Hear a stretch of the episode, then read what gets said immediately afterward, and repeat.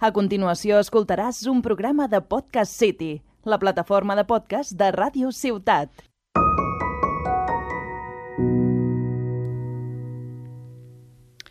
Bona tarda. Iniciem una nova edició del podcast Postals Antigues. Ja en portem 17. I en aquesta ocasió us convidem des de la ràdio a fer un passeig per la part alta de Tarragona, tot resseguint una ruta medieval, perquè a Tarragona no tot s'acaba amb les restes de la ciutat romana. Avui farem la ruta dels mercats històrics. Benvinguts i benvingudes a Postals Antigues, a Ràdio Ciutat de Tarragona.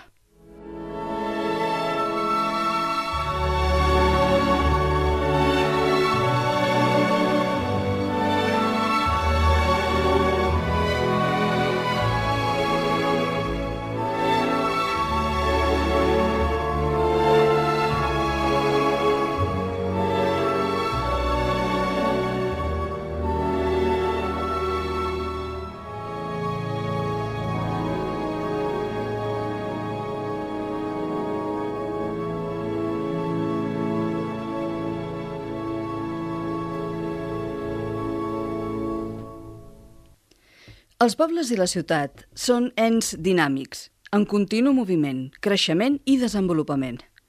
Un dels primers trets de civilització va ser la necessitat de l'ésser humà del neolític de passar de ser nòmades a sedentaris i, per tant, crear una sèrie d'habitatges estables ubicats en un cert lloc que afavorís per ells una vida una mica més fàcil que quan anaven amunt i avall a la intempèrie de qualsevol perill que els pogués atacar. El sedentarisme va afavorir que els assentaments primitius tinguessin tendència a créixer fins a convertir-se en grans ciutats, que des de l'època més antiga han arribat esplendoroses fins a nosaltres, aportant la seva civilització i cultura.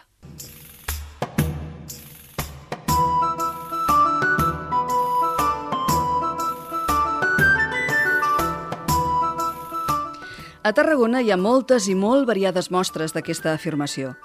Si anem a buscar la història de la nostra ciutat, trobarem la influència dels ibers, dels romans i de tota la resta de pobles que de la conca mediterrània, en algun moment o altre, han fet cap aquí.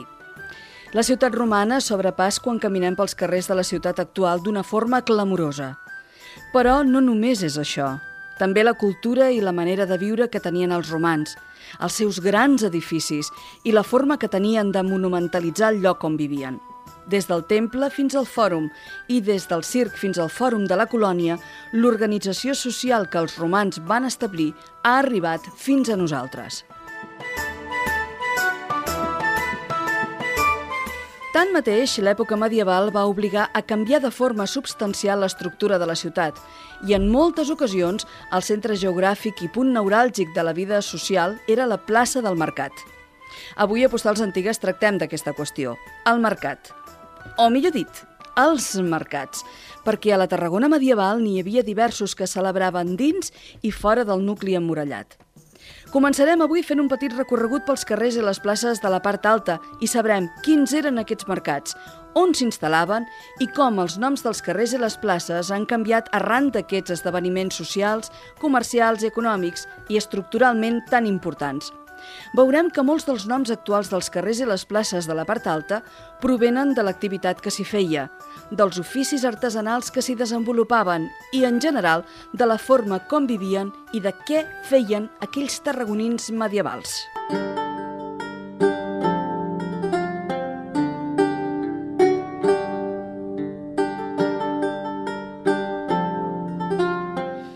Començarem el recorregut d'avui per una de les places més emblemàtiques de la ciutat, la plaça de les Cols, plaça castellera per excel·lència, allà on te les hagi, que al llarg de la història ha tingut altres noms. Per exemple, entre el segle XIV i el XV es va dir plaça de la Verdura, després del XV fins al XX, plaça de les Cols, però en el segle XVI es deia plaça de les Grasses de la Seu i al segle XIX plaça de les Verdures del segle XX, d'inicis del segle XX i fins a l'actualitat, plaça d'en Santiago Rossinyol, que segur que us ve de nou, segons com, tot i que popularment se la coneix simplement com a la plaça de les Cols.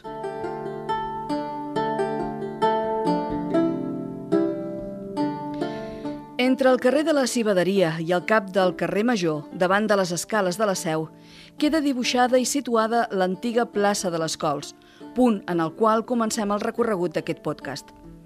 Com el seu propi nom indica, a la plaça de l'Escol s'hi venia verdura, en un mercat que ens podem imaginar molt rudimentari i fixat en un dia concret de la setmana per tal que la parròquia s'hi pogués acostar. On actualment hi ha la plaça de la Font es trobava el Corral i fora muralla hi havia la Vila Nova o l'Horta de Tarragona. L'antic circ romà es va convertir en un burg, és a dir, un barri exterior fora muralles amb un mínim de població, i l'espai estava destinat principalment a activitats comercials i industrials. La Vila Nova va ser l'àrea que es va prolongar des del Corral fins al port, ocupant la zona residencial d'època romana.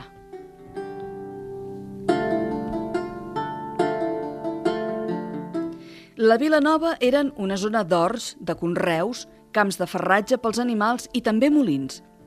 Hi havia poca població, excepte l'àrea del port i a la zona més propera al Corral. L'Horta de Tarragona, també destinada a l'explotació agrària, s'estenia per tots dos costats del Francolí i arribava fins a Riu Clar.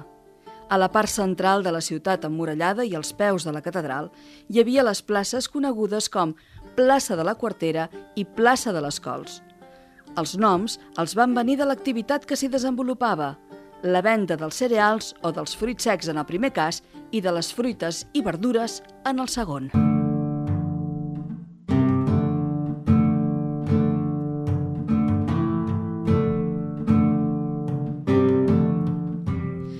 La plaça de la Quartera era una continuació de l'actual plaça de les Cols i arribava fins a l'actual carrer Calderés. Us situeu a la part alta, m'imagino. Per deixar clar aquest concepte, una quartera era la mesura medieval de càlcul dels cereals, igual que avui es mesura en quilograms, doncs en aquell moment amb quarteres. De fet, el carrer Civaderia pren el nom de l'activitat que acollia. Hi havia un mercat de cibada. El nom ha perdurat fins al segle, eh, des del segle XIII i fins avui mateix. La civaderia també era el lloc on hi havia el pes de la cibada. Entre la civaderia i el carrer Misser Sitges travessa l'estret carrer de les Moles. Moles en català, tal com ho diem ara, originàriament, fent referència a les moles dels molins. Probablement hi havia algun molí de farina, una tagona, o bé estava relacionat amb els forns propers, quasi segur també el de la civaderia. De forns, de forns de pa, de forns de, de, de obradors de pa, n'hi havia diversos. El forn del Corral, el forn dels jueus, el forn del senyor arquebisbe, al carrer Nostra Senyora del Claustre, antigament carrer del Forn dels Canonges i després carrer de les Carnisseries dels Canonges, s'hi localitzava un forn exclusiu per als canonges, com el seu propi nom indica, i posteriorment una carnisseria pròpia per l'abastiment del clergat i de les cases religioses.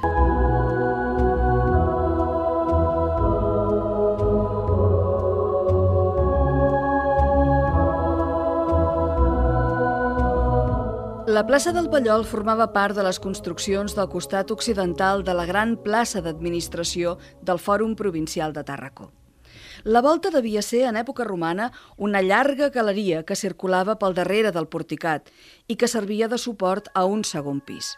Malgrat tot, se'n desconeix la funcionalitat eh, final en aquesta època i eh, quin va ser el seu ús fins al segle XVI. Cap a la segona meitat del segle XVI va començar a dir-se la plaça dels Pallols o del Pallol, per raó de la botiga del blat de la ciutat. Es dona idea del que venia a ser una institució del Pallol i deia «Los jurados de la villa, a fin de proporcionar a los vecinos pudientes el trigo y los demás granos que se veían obligados a comprar, las más de las veces a precios elevadísimos, instituyeron el payol, gran depósito de trigos y demás granos que compraban a los particulares de todas las épocas y que vendían después a los vecinos más necesitados de la villa a un precio cómodo y asequible.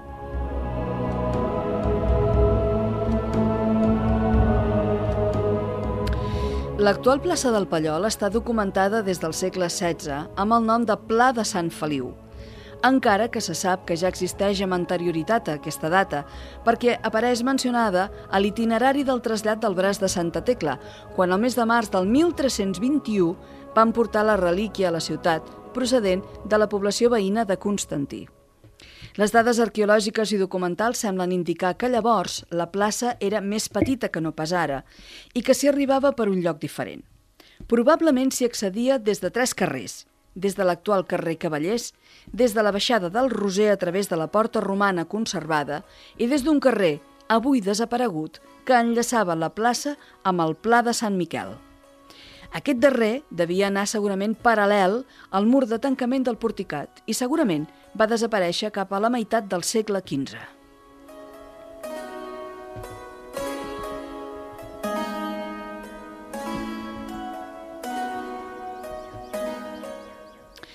L'any 1462, a causa de la inestabilitat regnant, els pares predicadors van traslladar el seu convent des de l'àrea de l'actual Camp de Mart a l'interior de la ciutat. A partir d'aquest moment, la volta del Pallol va utilitzar-se com a església i l'espai annex a la volta en convent, fins que a l'any 1522 els pares predicadors van traslladar novament el seu convent a extramurs i la volta la va adquirir la ciutat. L'actual nom de la plaça ve del fet que, durant la segona meitat del segle XVI, la municipalitat va instal·lar-hi el pallol, que no era altra cosa que la botiga de blat i el pes de la farina. El pallol, doncs, era el gran dipòsit municipal del gra i exercia les funcions de casa pública per comprar-lo i també per vendre'l. La seva funció era imprescindible per la ciutat, ja que una de les seves funcions era garantir el subministrament de la població i controlar els preus d'aquest gra, que era un producte de primeríssima necessitat. Va ser així com la volta es va convertir en un magatzem.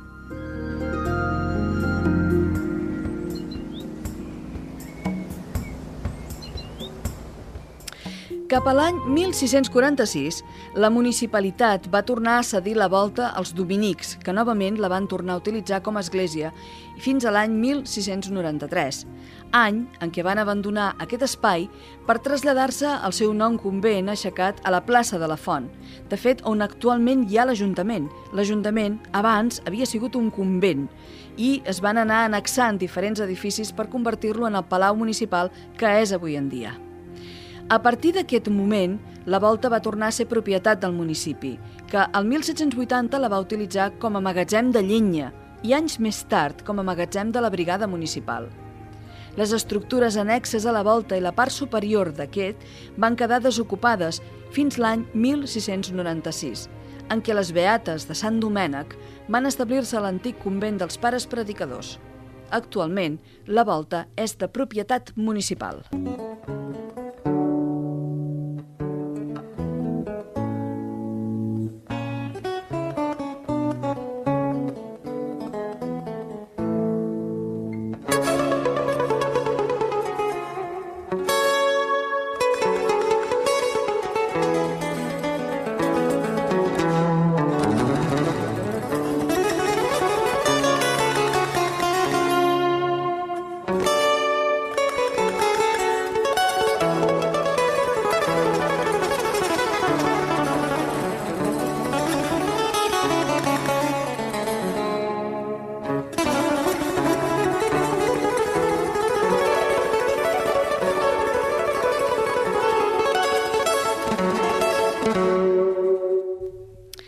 L'alimentació de les persones ha anat canviant amb el pas dels segles, però els aliments bàsics, fruita, verdura i gra, segueixen sent una constant i, per tant, la seva comercialització és fonamental. Passejar pels carrers de la part alta és fer un salt en el temps, fins a una època en la qual les activitats relacionades amb el producte final, el menjar, eren manuals, eren artesanes, eren comercials i la font de dedicació dels gremis, perquè eren aquests els que movien els engranatges de la ciutat i la feien viva i dinàmica.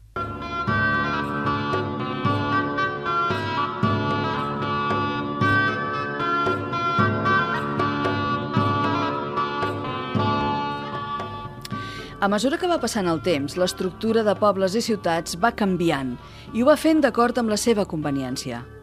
Allà on a l'època romana hi havia un temple dedicat al panteó de culte pagà, ara s'aixeca una catedral cristiana.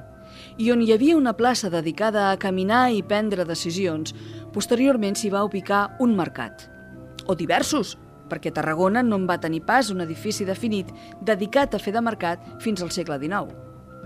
Què hi havia abans? Doncs hi havia una part alta molt activa en activitat manufacturera, artesana i comercial, perquè en el tortuós traçat dels seus carrers hi havia una representació de pràcticament tots els oficis, gràcies als quals la ciutat i la seva gent podien anar fent la seva videta de cada dia.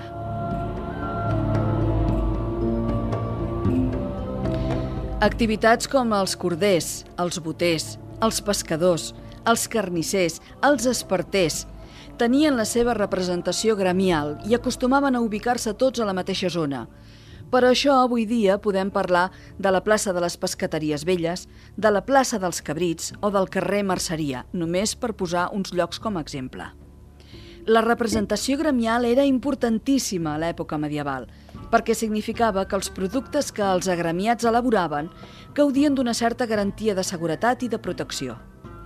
Els gremis tenien el reconeixement de l'autoritat i una part del seu respecte, amb la seva devoció i els petits tallers oberts a peu de carrer on comerciaven amb els productes que elaboraven a mà, de forma artesanal, d'un en un, en un temps en el que el temps no tenia valor.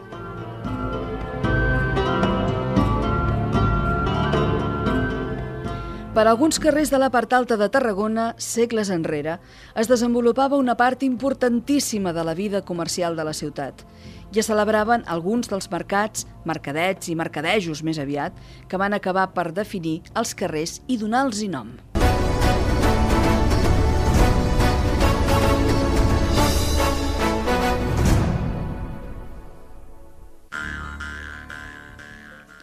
Seguim amb el recorregut dels mercats de la Tarragona medieval que celebraven a la part alta de la ciutat de Tarragona. Les voltes del carrer Merceria, al llarg de la història, han tingut diferents noms. Des de temps immemorial es deia carrer de la Merceria i després, al segle XIX, va passar a dir-se carrer de les Corts. El carrer pren el nom de merceria pels passamaners que hi tenien al taller, amb una indústria molt localitzada en aquest carrer principal de la part alta. També hi havia passamaners al carrer Cibaderia, Mireu, per aclarir conceptes, el passamaner era la persona que fabricava i venia objectes de seda d'un cert luxe, de petites dimensions, com ara floques, passamans, bosses i també botons. També se'ls anomenava cordoners. A diferència dels perxers o dels galoners que treballaven amb taler, aquests ho feien a pols amb agulla i desenvolupant el seu ofici de la forma més artesanal possible.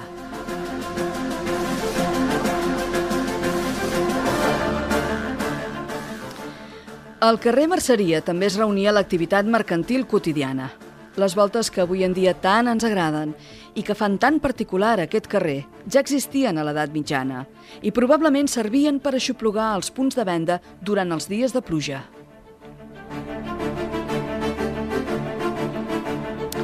Al final del carrer Merceria, amb la plaça del Fòrum, s'aixeca el castell del Patriarca, que va ser destruït durant el setge de la Guerra del Francès. Del castell del Patriarca en parlarem també un dia.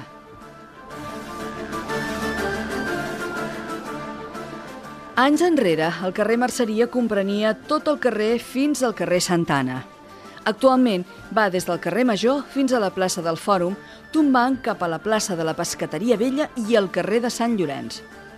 El nomenclàtor de 1843 li assenyala amb el nom commemoratiu de carrer de les Corts, dedicat a les Corts espanyoles. Però aquest nom no va arrelar ni es va popularitzar per part de la gent, perquè el nom de merceria estava ja més que consolidat.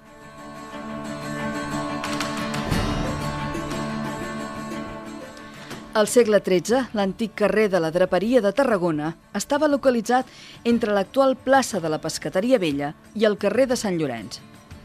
Anys més tard també es va dir carrer de la Draperia Vella. Els drapers eren els artesans que es dedicaven a fabricar draps i robes d'una peça. Ara bé, cap a la segona meitat del segle XIII, els drapers ja no vivien en aquest indret.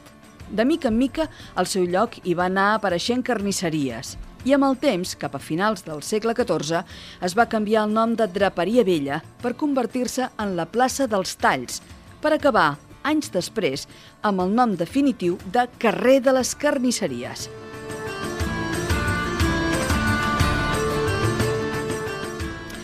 Com a curiositat, allí va viure un senyor anomenat Joan Ferrandiz.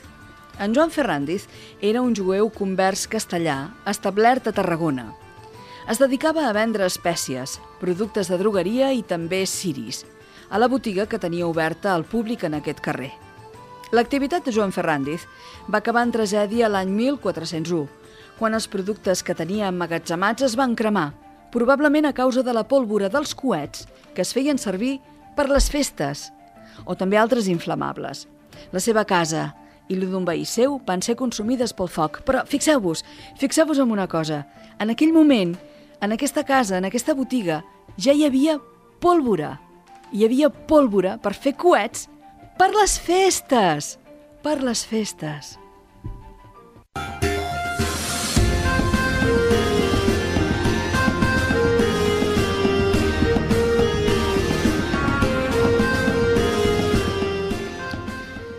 La vella carnisseria de Tarragona estava entre els carrers Merceria i la plaça de la Pescateria. Entrant pel que coneixem actualment com a carrer Merceria, seguia un carrer amb voltes, conegudes com les voltes de la carnisseria. I uns metres més endavant hi havia una placeta molt petita. Llavors, el carrer Nou del Patriarca, que estava just al costat, no estava encara urbanitzat. A tocar del carrer Nou del Patriarca hi havia el Castell del Patriarca, o també anomenat Castell de l'Arquebisbe, la construcció de la nova plaça del Fòrum, amb l'enderrocament dels carrers existents a l'entorn de la seva àrea, va fer desaparèixer aquest carrer. I com a conseqüència de totes aquestes transformacions, la primitiva urbanització de la carnisseria vella va quedar molt desfigurada.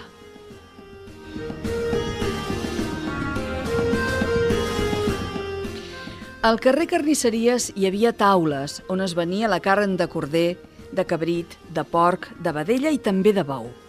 Cosa que explica l'origen de la vella nomenclatura de la plaça dels talls. Tall significava, en aquest sentit, taula on es tallava la carn per vendre-la al públic. Així doncs, cal imaginar aquest mercat com una mena de parades, no gaire grans, preparades per vendre la carn al tall, sense cap altra mesura ni condició que les pròpies taules sobre les que aquest precari mercat es muntava. L'única mesura sanitària que les ordenacions municipals explicitaven era que no s'hi podia tenir animals vius per vendre.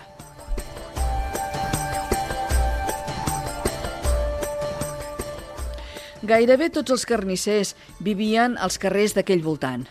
A la Tarragona medieval hi havia diversos indrets de la part alta en els quals es podia comprar carn. També al barri jueu, a l'antiga Boqueria, a prop del carrer del Cos del Bou, al carrer Major, que data de l'any 1578, i posteriorment a l'Arcada Nova, al carrer del Claustre, també coneguda com la carnisseria dels canonges. Tenien de tot aquests canonges.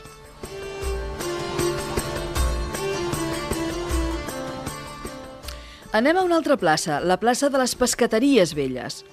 Al llarg de la història, aquesta plaça ha tingut altres noms. Entre el segle XV i el XVIII es deia plaça de la pescateria. Entre el XVIII i el XX, plaça de la pescateria Vella. I el XIX es deia plaça d'en Vergara.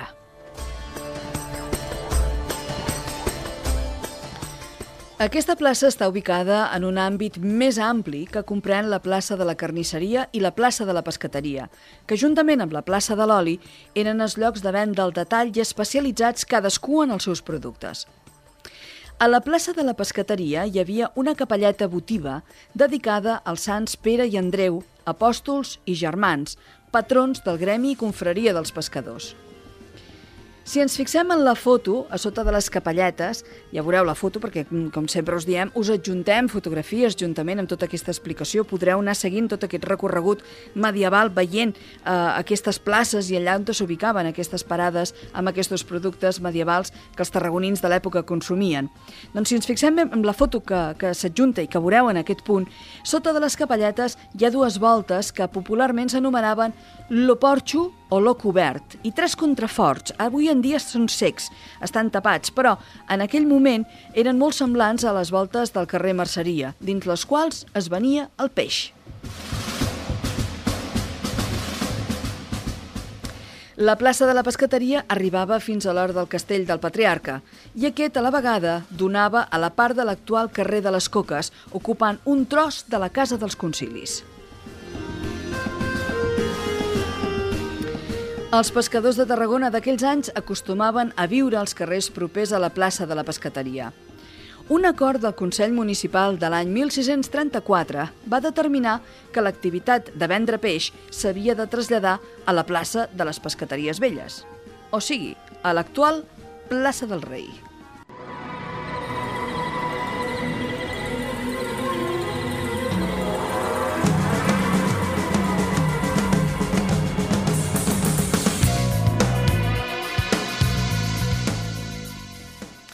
Com hem pogut veure, doncs, el pur centre de la part alta de Tarragona estava ben farcit de tallers on els artesans elaboraven les seves produccions i on els tarragonins del moment acudien per comprar tot allò que necessitaven per fer, més o menys bé, la seva vedeta de cada dia.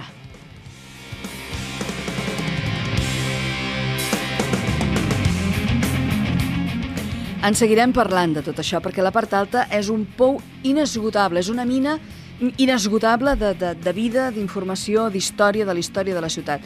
Altres zones de Tarragona també, però la part alta és absolutament fascinant per això. El que passa, el que passa és que la història s'ha de saber llegir. Us heu fixat mai que hi ha, eh, justament al, al carrer Merceria, totes unes plaques d'epigrafia romana que es corresponen a unes, a, unes, a, eh, a unes ares votives i que es corresponen a unes inscripcions funeràries? Us hi heu fixat amb això? Que les pedres estan assimilades directament al carrer? A l'Òscar em m'obre uns ulls com a plats i em fa cara com que no s'hi ha fixat mai. S'ha de fer aquest tom per la part alta. Farem també un tom eh, romà al moment que, que ens assembli. Ara, en aquest moment, ha sigut el tom medieval pels mercats i les diferents places on se celebraven el que ha ocupat el nostre temps en aquestes postals antigues de Ràdio Ciutat de Tarragona. Us convido a que aneu a la part alta, que la visiteu, a que dogueu un tom amb ulls objectius, amb ulls històrics, amb ulls de tisora fins i tot per saber reveure i entreveure tot allò que la història de Tarragona amaga en aquests carrers que són, ja us ho dic, absolutament extraordinaris. Tant de bo aquest podcast també us serveixi una mica de guia. Òscar, moltíssimes gràcies avui també. Us hem acompanyat l'Òscar Martínez, que ha portat el control, la música, com sempre, de meravella, i us ha parlat amb molt de gust Roser Pres Roca. Moltes gràcies per ser aquí. Cuideu-vos. Fins al proper dia. Adéu-siau.